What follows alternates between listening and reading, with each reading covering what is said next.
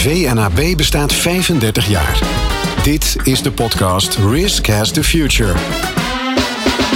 In deze podcastreeks delen we de rijke historie van de markt, kijken we naar de dag van vandaag en gaan we vooral in op de uitdagingen van morgen. Zolang we de toekomst niet kunnen voorspellen, zullen er altijd risico's blijven die verzekerd moeten worden. The future has risks. Risk has the future. Goedendag en welkom bij deze podcast van de VNAB, de Nederlandse brancheorganisatie voor de zakelijke verzekeringsmarkt. Ik ben Tamara Bok en vandaag ben ik in de studio omdat de VNAB dit jaar 35 jaar bestaat. En dat is een jaar waarin we niet alleen gaan terugkijken naar 35 jaar geschiedenis, maar waar ook vooral vooruit wordt gekeken. En daar hoort een thema bij dat we vandaag uitgebreid bespreken: cybercrime. Een belangrijk thema waar de VNAB en dan vooral de technische commissie Cyber zich mee bezighoudt. Dit is de podcast Risk Has the Future. Presentatie Tamara Bok. Om te beginnen met rechts van mij Sjaak Schouteren. Welkom. Jij bent van Mars, makelaar en je functie is Cyber Development Leader. Daar zeggen we het al. Leidend in cyber development. Vertel. Wat doe jij op dagbasis? Ja, ja dat is een uh, mooie titel inderdaad. Maar wat ik uh, in essentie doe, ik help onze klanten met het uh, kwalificeren en het kwantificeren en het managen van cyberrisico's. Dus echt inzichtelijk maken waar zitten die risico's nou. Met scenarioanalyse bijvoorbeeld. die scenario's ook doorrekenen. Dus wat is de financiële impact? En managen, dat kan zijn door het te accepteren. Het kan zijn door het te mitigeren. Dus ons advies overnemen om het risico kleiner te maken. En het kan ook zijn door het te transfereren naar een cyberverzekering. Nou, prachtig. Al drie ingewikkelde termen waar ik straks vast wel iets meer over ga horen. Dit is ook wel de reden waarom je lid bent van de Technische Commissie Cyber. Net als jij, Stefan. Stefan Zwager is ook aangeschoven van AIG Verzekeraar. Jouw titel Cyber Insurance Lead Netherlands. Vertel. Ja, ik ben uh, binnen Nederland verantwoordelijk voor de cyberverzekering als verzekeraar. En in wezen houdt het in dat, ik, ja, dat we de strategie voor Nederland uitzetten. En het team verzekert individuele klanten en risico's. Wij analyseren de risico's eerst en bieden dan een best mogelijke oplossing aan om die klant te verzekeren. Ja, dus dat is een hele hoop hulplijnen die worden uitgeschoten om uh, partijen in ieder geval veilig door deze vragen te, te, sturen. Dus dat betekent dat die technische commissie Cyber, en dan kijk even naar Job, Job Kuipers, welkom. Jij bent CEO en founder van AI. Wat is, wat is jouw affiniteit met dit onderwerp? Cyber is een onderwerp waar ik al heel lang mee bezig ben. Uh, ik heb hiervoor jarenlang uh, voor de inlichting en veiligheidsdiensten gewerkt. Uh, daar een cyberprogramma gerund.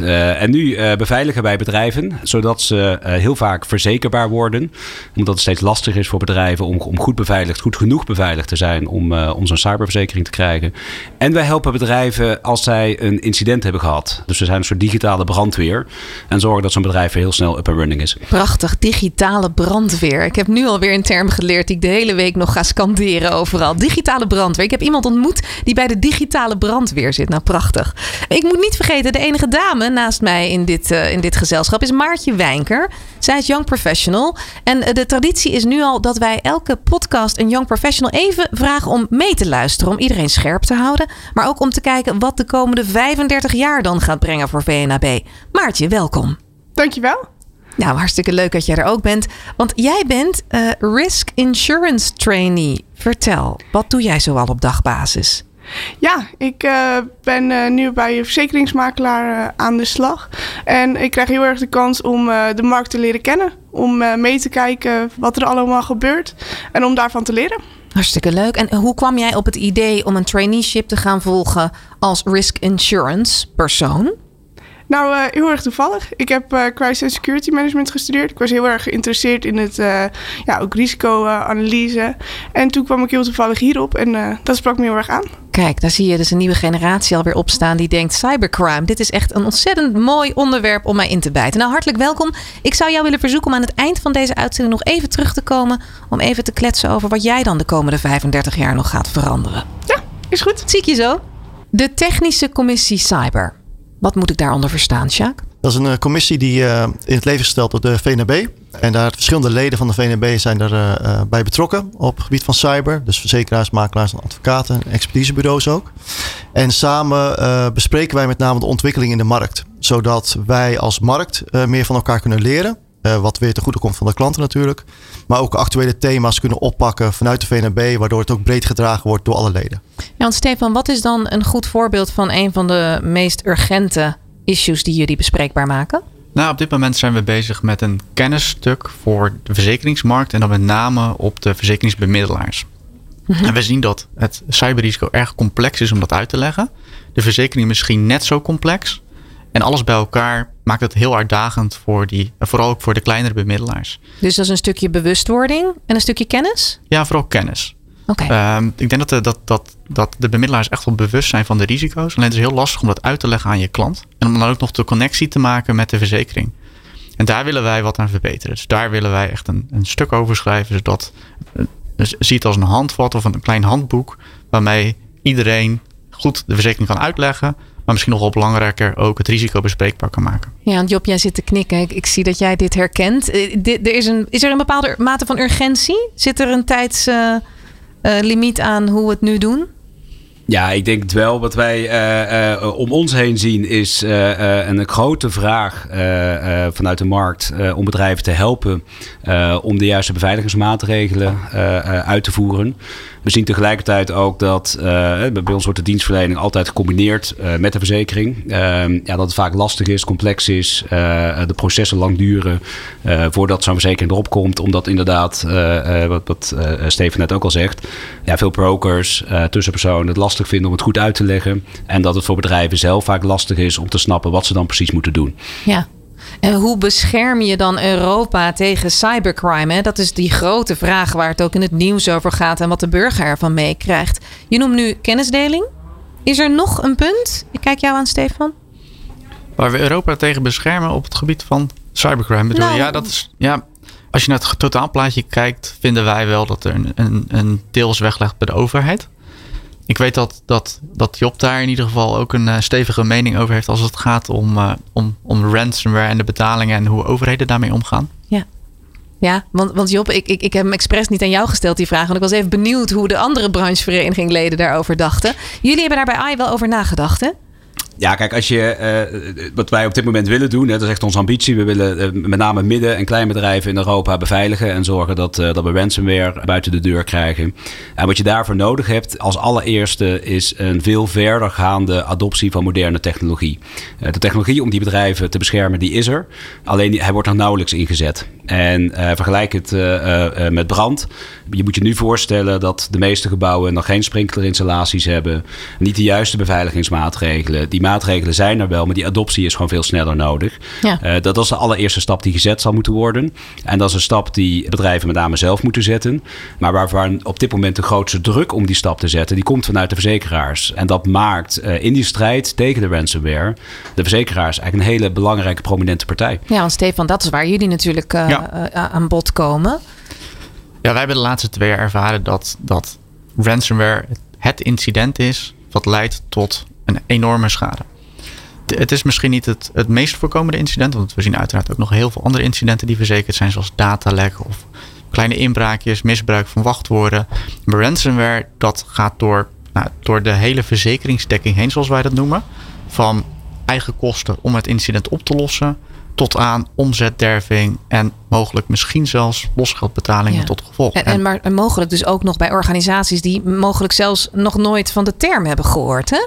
Wat ik las. Klopt. Want, want dat is, Sjaak, hoe is dat uh, voor jullie? Van, vanuit uh, het standpunt dat je uh, als makelaar gewoon ook ja, soms helemaal opnieuw moet beginnen met... luister, dit is niet de standaard case die je kunt verzekeren. Dan begin je eigenlijk op nul, hè? Hoe pak jij dat aan? Ja, wat Job terecht zegt, is, het is veel achterstallig onderhoud, noem ik het maar eventjes. Inderdaad, de vergelijking met brand is heel goed. Dat bestaat ook al 400 jaar, die verzekering. Dus elk bedrijf snapt ook wel... ik kan me er tegen verzekeren. Ik moet sprinklerinstallatie, brandweerend materiaal hebben... Ik uh, moet mijn brandoefeningen doen.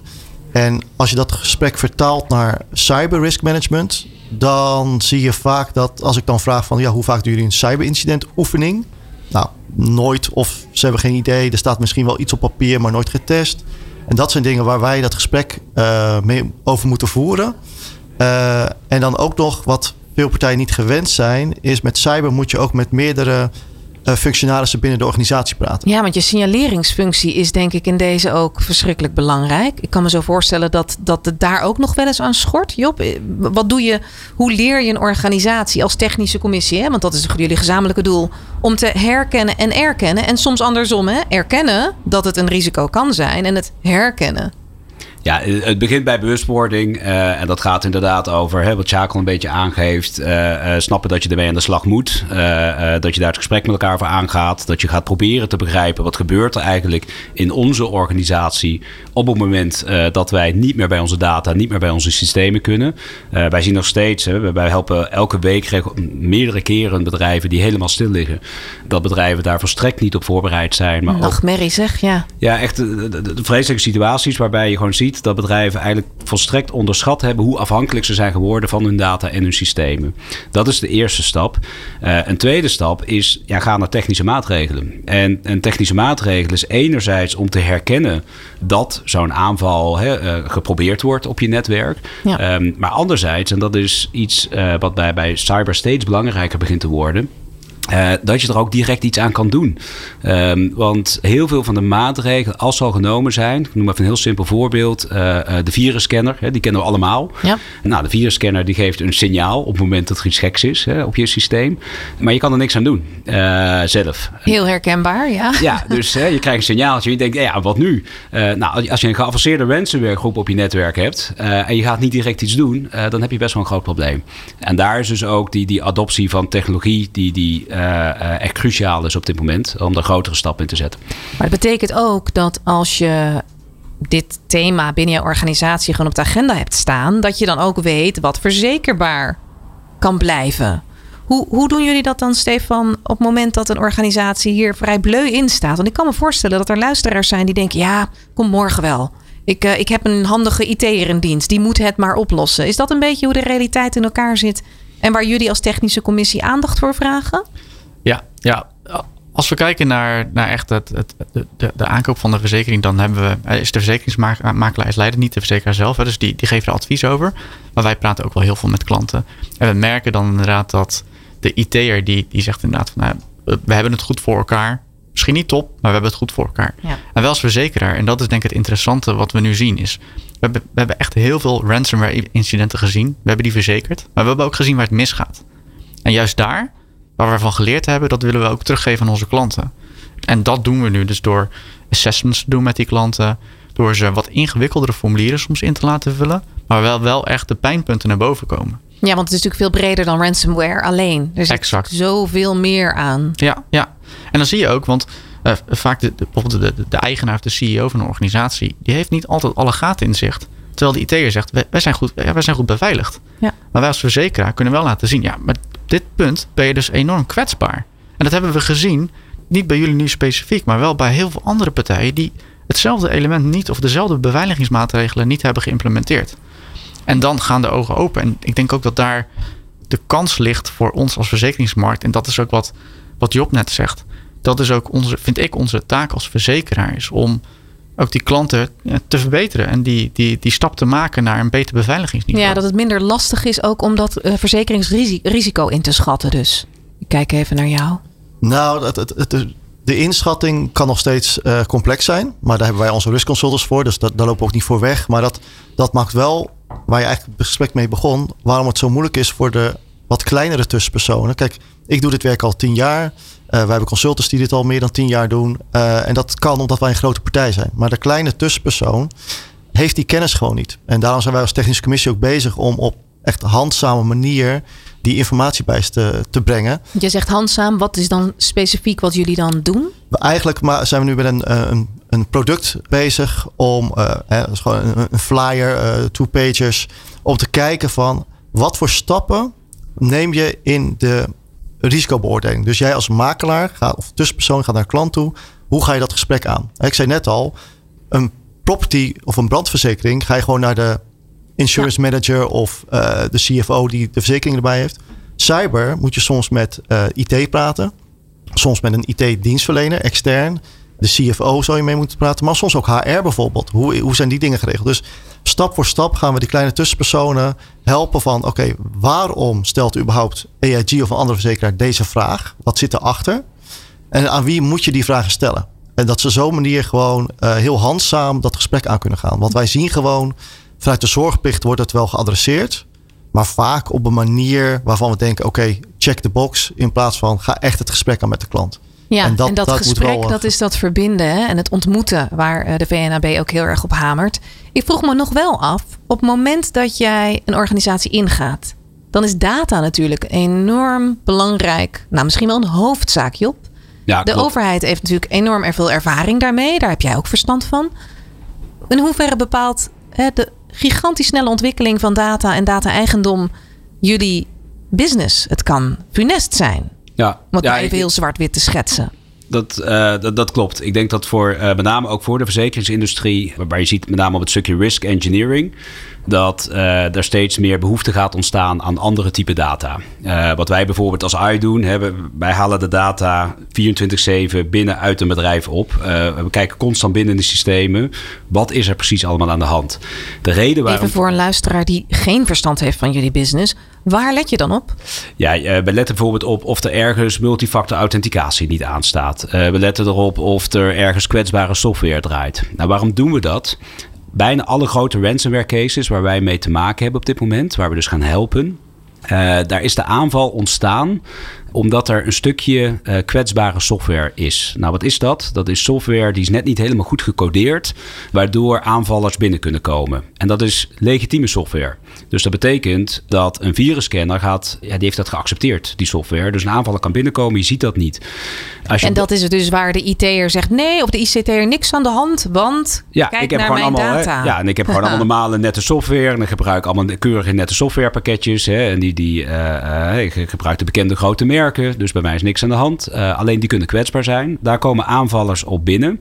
En was het lastig als je dan van tevoren allemaal vragen hebt gesteld of je hebt een scan gedaan ja, die kwetsbaarheden die kennen we nog niet. Wij weten niet wat volgende week het probleem is. Uh, en daar zie je dus dat er een steeds groter belang begint ontstaan om die data real-time te hebben, constant. En een constante zicht te hebben van: oké, wat is precies de situatie uh, uh, bij alle klanten die bij ons beveiligd zijn en die verzekerd zijn. Ja, dus daarom een makelaar, een verzekeraar en iemand die de security bewaakt in één technische commissie is dus dan een hele logische combinatie. Wat is dan jullie superpower, Sjaak? Nou, wij als, technische commissie, uh, wij delen ten eerste natuurlijk informatie met elkaar. Wat je normaal gesproken niet doet omdat je concurrenten bent. Maar nu op een wat basale niveau ga je wel dingen met elkaar delen. Hè? Wat, wat zie jij, eh, Stefan? Wat zien wij in de markt gebeuren? En wij nodigen dus ook expertise uit, zoals bijvoorbeeld Job, die onlangs bij ons in de technische commissie is geweest, om vanuit zijn oogpunt te kijken van wat komt hij nou tegen.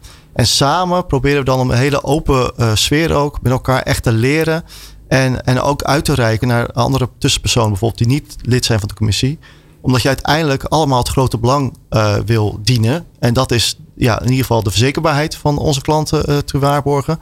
En de BV Nederland, uh, Nederland veiliger houden. Ja, want cyber mag geen onverzekerbaar risico worden. En we willen dat Nederland ook sterk in de schoenen blijft staan. En dat wij ons als overheid, maar ook als bedrijven en als burgers letterlijk cyber safe voelen.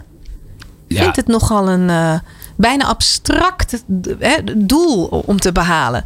Als je nu kijkt, 35 jaar deze sector. 35 jaar groei, marktmeesterschap, verbinden, ontmoeten. En dan is er nog een hele hoop kennis. Wat zijn nou de drie punten of twee punten? Ik kijk jou aan, Stefan. Waarvan jij zegt, die moeten binnen nu en vijf jaar top of mind zijn bij iedereen die in deze branche speelt op het gebied van cybercrime. Nou, kijk. security moet ik zeggen. Ja, security in het algemeen moet top of mind zijn. Ik denk dat we vanuit, vanuit ons allemaal, de maatschappij, nog heel erg traditioneel kijken naar een inbraakrisico of een brandrisico. Dus we zijn, we zijn bang dat onze deur wordt, dat inge wordt gebroken in onze deur. Maar ik hoor weinig over, over die digitale deur, over je eigen PC of, of over je eigen organisatie. En ik denk dat die veel meer top of mind moet zijn. Want die verschuiving van criminaliteit, die gaat in die vijf jaar echt een toevlucht nemen. Dat zie je nu eigenlijk al een beetje. Het is veel makkelijker om uh, duizenden kilometers op afstand op je stoel via je computer ergens in te breken. Dan dat je langs dat woonhuis loopt, die deur moet forceren. Misschien, misschien slaapt er wel iemand in dat huis. Of dat de buren het horen. Dan dat jij gewoon weer lekker rustig achter je pc zit. Misschien mislukt het wel. Prima, ga je naar de volgende. Dus wij slapen eigenlijk met de ogen open? Nou, misschien wel. Ja, interessant. Nou, in dit verband, wat, wat, waar ik mijn presentatie ook vaak mee begin, is om eerst aan te geven hoe hebben wij als BV Nederland geprofiteerd van die digitaliseringsslag. Uh, waarom? Omdat je vaak ziet dat mensen, als ze iets hebben gewonnen, dat willen ze ook vasthouden. Dus als je eerst aangeeft van hey, hierdoor hebben wij onze uh, missie uh, bevestigd, hierdoor kunnen wij sneller groeien. Op die manier kan je ook beter het risicogesprek aangaan. Dus wij, ik maak heel vaak de vergelijking met een, met een remschijf ook. Ik zeg, ja, wij als risk managers of risk consultants, wij zijn die rem op een, op een sportwagen. En dat betekent niet dat wij jullie business gaan stoppen. Nee, maar waarom kan die auto zo snel rijden? Omdat er een hele goede remschijf op zit. Dus wij, zijn, wij moeten ons meer profileren als business enabler dan die lastige vragenstellers die de innovatie willen stoppen. Ja, dus meer focus op de synergie en niet op de verschillen. Ja, en ook met name kijken, en dat vind ik heel belangrijk, ook met de discussie die wij hebben met verzekeraars. Kijk nou goed naar de business. Hoe zit dat businessmodel van die klant in elkaar? En ga daarna kijken wat daar de echte relevante risico's bij zijn. Ja, want Job, dit vind ik heel essentieel. Dit klinkt heel essentieel. Want jij komt met jullie bedrijf kijken op het moment dat het eigenlijk al mis is gegaan. Dus je wil in die preventie en in die interventiezone zitten. Wat zou jouw advies dan zijn aan al die luisteraars die weten dat ze er nog eigenlijk te weinig aandacht aan schenken? En die lieve ICT'er die zich nu realiseert van potverdorie, ik vertrouw wel erg veel op die grote merken. Ja, allereerst, wij doen vooral preventief. Hè. Wij, proberen, het liefst uh, zetten wij sprinklerinstallaties neer. En uh, gaan wij niet uh, achteraf helpen. want wat je dan meemaakt is vaak heel erg treurig en vervelend. zeker wanneer je bij het midden- en kleinbedrijf terechtkomt. Wat ik ze mee zou willen geven is het idee dat er ergens een hacker zit met een hoodie op, uh, die specifiek jouw bedrijf probeert te hacken. Um, hè, want dat is vaak wat ik hoor bij, bij met name midden- en kleinbedrijf. Ja, wie wil ons nou hacken? Wat valt hier te halen? Uh, maar dat idee dat is achterhaald. Um, de hacks gebeuren op dit moment op industriële schaal, geautomatiseerd. En um, die hacker uit de Oekraïne of Wit-Rusland, die heeft echt geen idee wie die gehackt heeft. Die komt gewoon toevallig binnen omdat jij op een phishing mailtje klikt. Omdat er dat stukje kwetsbare software is. Um, en dan gaat hij daar misbruik van maken. Dus je bent geen target, je bent gewoon per toeval aan de beurt. En dat stukje toeval, dat is inmiddels dat risico. Nou, we hebben brand genoemd. Dat is 1 op 8000, begrijp ik van de verzekeraars. Cyber is 1 op 8. Uh, dus dat is het risico wow. waar je het over hebt. Ja, dit is wel uh, informatie, denk ik, waar, waar weinig uh, beleving van is momenteel. Breng me wel op het volgende punt. En dat is dat er is natuurlijk uh, cybersecurity is een, een, een generatief, een generatief, zeg ik dat goed, probleem. Het is ook um, een uitdaging voor de toekomst. En dat betekent dat de mensen die de afgelopen 35 jaar hebben gewerkt in deze branche ondersteund worden door young professionals. Vandaag is Maartje ook bij ons. Sjaak, wat is het belang van die nieuwe generatie? in dit verhaal? Want jullie zijn goed geschoold in dit onderwerp. Ook nog niet al te oud. Maar ik kan me voorstellen dat er een hele generatie is die uh, zich echt even op zijn hoofd krabt. En jonge mensen nodig heeft. Ja, je ziet het niet alleen in onze markt natuurlijk. Overal is een, een eh, war on talent gaande. En wij zijn heel blij met, met Maartje en, en consorten. Omdat zij ten eerste al meer affiniteit hebben dan de oudere generatie met digitale systemen. Ze snappen vaak het belang ook uh, beter. En wij willen natuurlijk ook een bestendige cybermarkt hebben als verzekeringsmarkt. En in alle eerlijkheid hebben we die nu niet. Het is zo'n krappe markt. Als er bij ons iemand weggaat, dan, dan loop je eigenlijk al gelijk in onze markt uh, tegen problemen aan.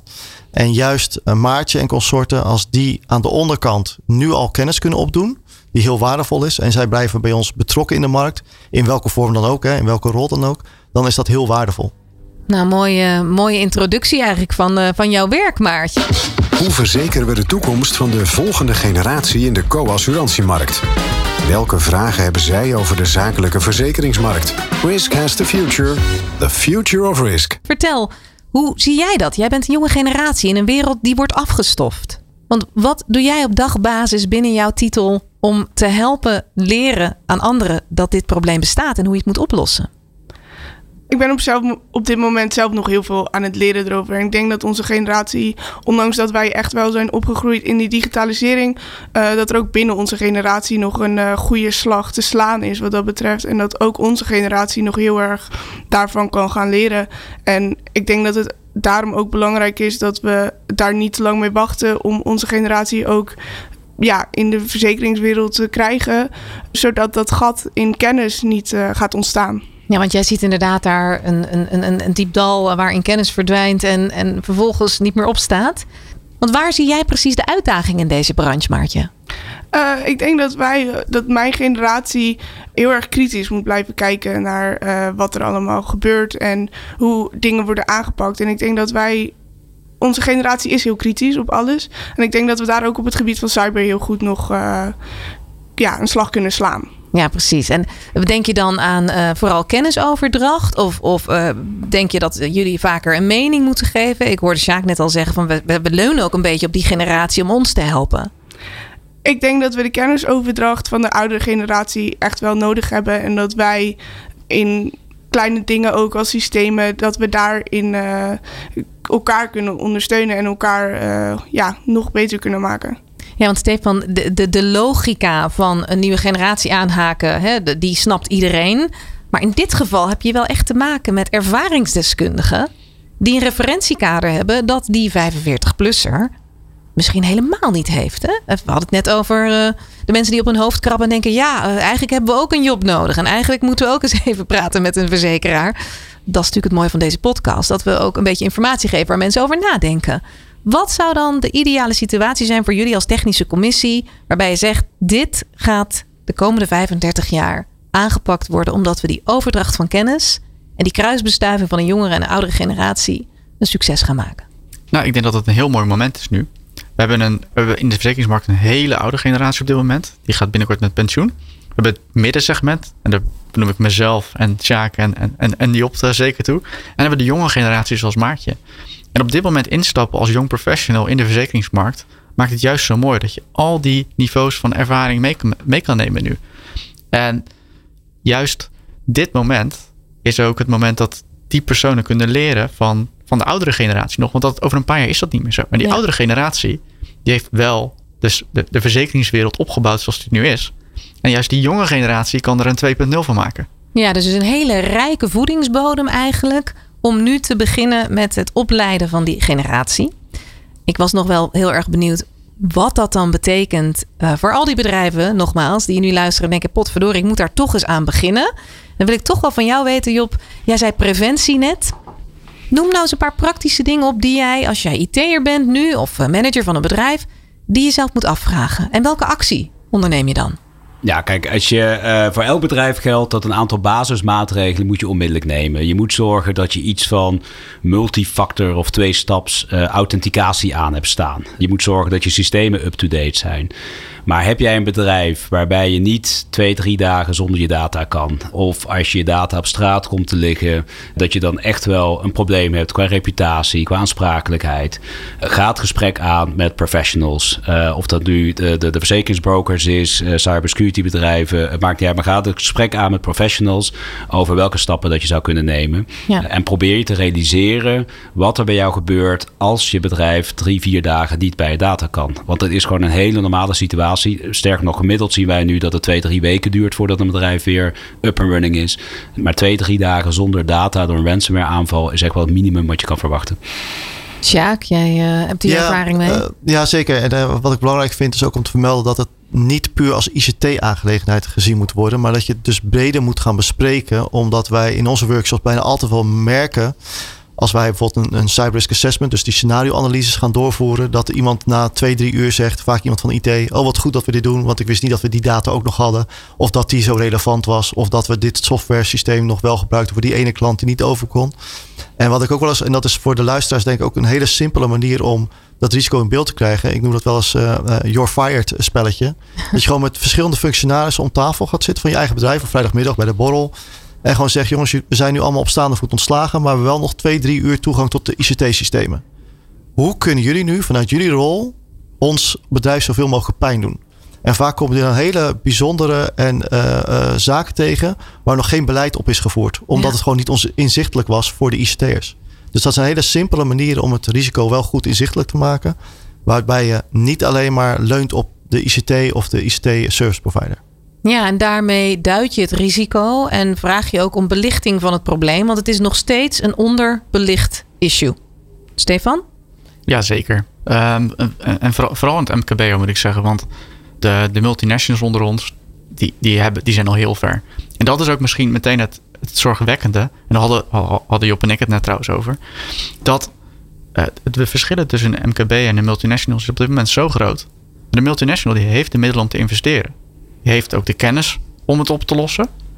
Maar de MKB'er, ja, die heeft misschien wel de middelen, misschien niet. misschien wel de kennis, misschien niet. En daar, ja, daar drijft onze economie wel op, hè, op dat maar MKB. Zei het net al. Hè? Ik vind het grappig dat we hebben het nog helemaal niet over geld gehad. Maar dit raakt het gebied waarop je als beslissingmaker zegt... we gaan het doen of niet. En dan vraagt iedereen in Nederland altijd, wat kost dat? En het mooie is dat jij zei het, Sjaak... dat je zoekt dus meer de verbinding tussen ook die verschillende stakeholders in het bedrijf... En daar zit dan de winst, want dat vertaalt zich uiteindelijk ook in waarde. Ja, ja wat, wat wij bijvoorbeeld heel vaak doen voordat ik het gesprek aanga, is gewoon in het jaarverslag kijken. Wat zijn jullie plannen voor de komende drie, vier jaar? Nou, vaak drie jaar. En dan zeg ik gewoon tegen mensen: Oké, dit zijn jullie plannen. Hoe wordt dat bewerkstelligd? Nou, 99% van de keren wordt dat door digitalisering uh, tot uh, uiting gebracht. Zeg oké, maar wat, wat is dan de impact voor jullie als daar in dat verband iets fout gaat? Wat, wat is daar de impact van? En heb, het niet, heb ik het niet over ICT of, of uh, multifactor authentication, gewoon over jullie, jullie bedrijf, het hart van jullie bedrijf. Hoe wordt dat geraakt? En dan krijg je wel een heel goed gesprek. En wij merken ook, dat moet ik ook eerlijk zeggen, zodra wij een kwantificatie hebben gedaan, zodra er een getal staat, gaat men acteren.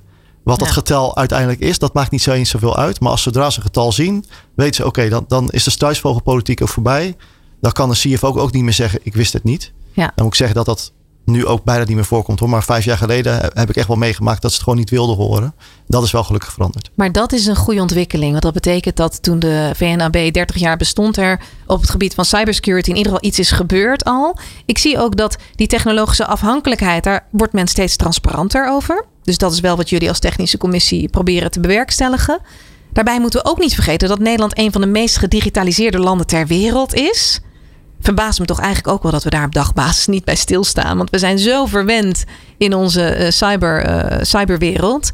Is er nog iets dat, um, dat, ik vraag het graag aan jou Stefan, waarvan jij denkt als wij nu de komende vijf jaar intern in organisaties, hè, met een goede blik op wat de overheid heeft gedaan. Want we kunnen heel veel leren van wat de ervaring zijn van bedrijven zoals die van Job. Wat zou dan de eerste stap zijn die je na het luisteren van deze podcast eigenlijk eens zou moeten doen? Want inderdaad, niet meteen naar je IT of ICT'er rennen. Wat kan je nou specifiek intern zelf als beslissingmaker doen? In, in mijn optiek heel simpel. Voer het uit. Um, we hebben het net over kosten gehad. Um, er zit een kostenaspect aan het implementeren van beveiligingsmaatregelen. Er zijn ook heel veel simpele beveiligingsmaatregelen die nagenoeg gratis zijn. Waar wij van zien, die, die hebben er veel, veel bedrijven nog niet. Nou, en de het andere kostenaspect is, zijn de kosten van de verzekering zelf. Op dit moment, verharding van de, van de cybermarkt zorgt voor sterk stijgende prijzen. Ik ben niet bang dat het onverzekerbaar wordt.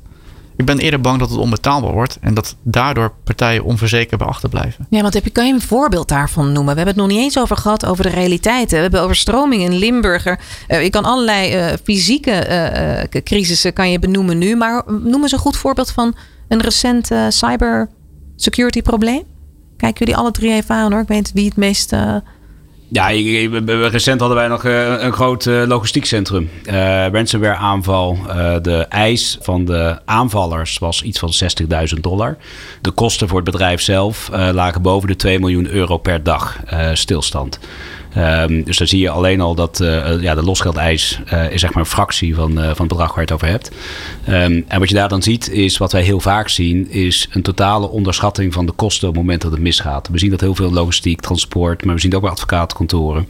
Dus het advies is ook, probeer nou eens na te denken, als je nou echt drie weken niet bij al je informatie komt, wat gebeurt er dan in je onderneming als het stilstaat? En wat ja. zijn daar de kosten van? Ja. En ja, als je dat afzet tegen, uh, en nogmaals, preventieve maatregelen, die zijn niet zo kostbaar. Hè? Dat is een uh, idee dat is blijkbaar ergens ontstaan. Uh, omdat we nou, de grote namen van cybersecurity bedrijven kennen. En denken dat zo'n cybersecurity programma zal wel heel duur zijn. Ja. Dat valt voor het MKB heel erg mee. maar zeker als je het gaat vergelijken met hoeveel dat het je aan de achterkant kan kosten. Ja. is dat niet anders dat wanneer je een sprinklerinstallatie versus een brand. als je dat gaat vergelijken qua kosten. Maakt het al een stuk praktischer. Sjaak? Ja, en wat je ook ziet, hè, dat, uh, en voor de tussenpersonen die dan ook nu luisteren, wat je zag in de cyberverzekeringsmarkt, is toen de, de, de tussen haakjes nieuwe privacywetgeving kwam, hè, de, AVG, is dat heel veel bedrijven gingen inspelen op de, de boetes. Hè, dat ze daardoor verzekerd moesten worden voor de boetes die eventueel zouden komen of aansprakelijkheidsstellingen. En precies wat Job net aangeeft, eigenlijk zien wij dat nou, ongeveer 70% van de echte financiële impact, die zit in de, de bedrijfsstilstand. En dat moeten de tussenpersonen die nu luisteren ook echt goed uh, begrijpen. Dat ze daardoor dat gesprek aan moeten gaan met hun klanten over hoe zit dat bedrijf in elkaar. En zegt inderdaad maar eens, wat doen jullie zonder IT? Gewoon heel simpel. dit bedrijf, wat ga jij doen en wanneer wordt het een probleem? Na één dag, na twee dagen, na een week of een maand. En wat kost dat dan? En wat mag het ook kosten? Hè? Dus heb je dat, heb je je risk appetite op orde? En dat vinden bedrijven best wel lastig, merk ik. Nou, ik vind het heel mooi hoe jullie als technische commissie en Job, jij als gastcommissielid dit een beetje hebben uitgelegd voor ons. Want ik denk dat bedrijven inderdaad nog wel wat te doen hebben. MKB'ers voorop, hoor ik al. Want die hebben eigenlijk het meest, de meeste vragen, maar zijn zich er misschien nog niet altijd van bewust. Uh, daar is van allerlei informatie te vinden natuurlijk binnen de kanalen van VNAB. Om jezelf daar iets wijzer mee te maken. En voor nu wilde ik jullie eigenlijk allemaal bedanken. Maartje, jou ook voor jouw inbreng. Veel succes de komende 35 jaar bij het verfraaien van deze branche. Ben er maar trots op. En uh, Job, dank voor je komst. Stefan, Sjaak, ik zie jullie graag weer een volgende keer. Bedankt voor het luisteren naar de VNAB-podcast Risk Has the Future. Wil je reageren? Stuur dan een mail naar marketing.vnab.nl.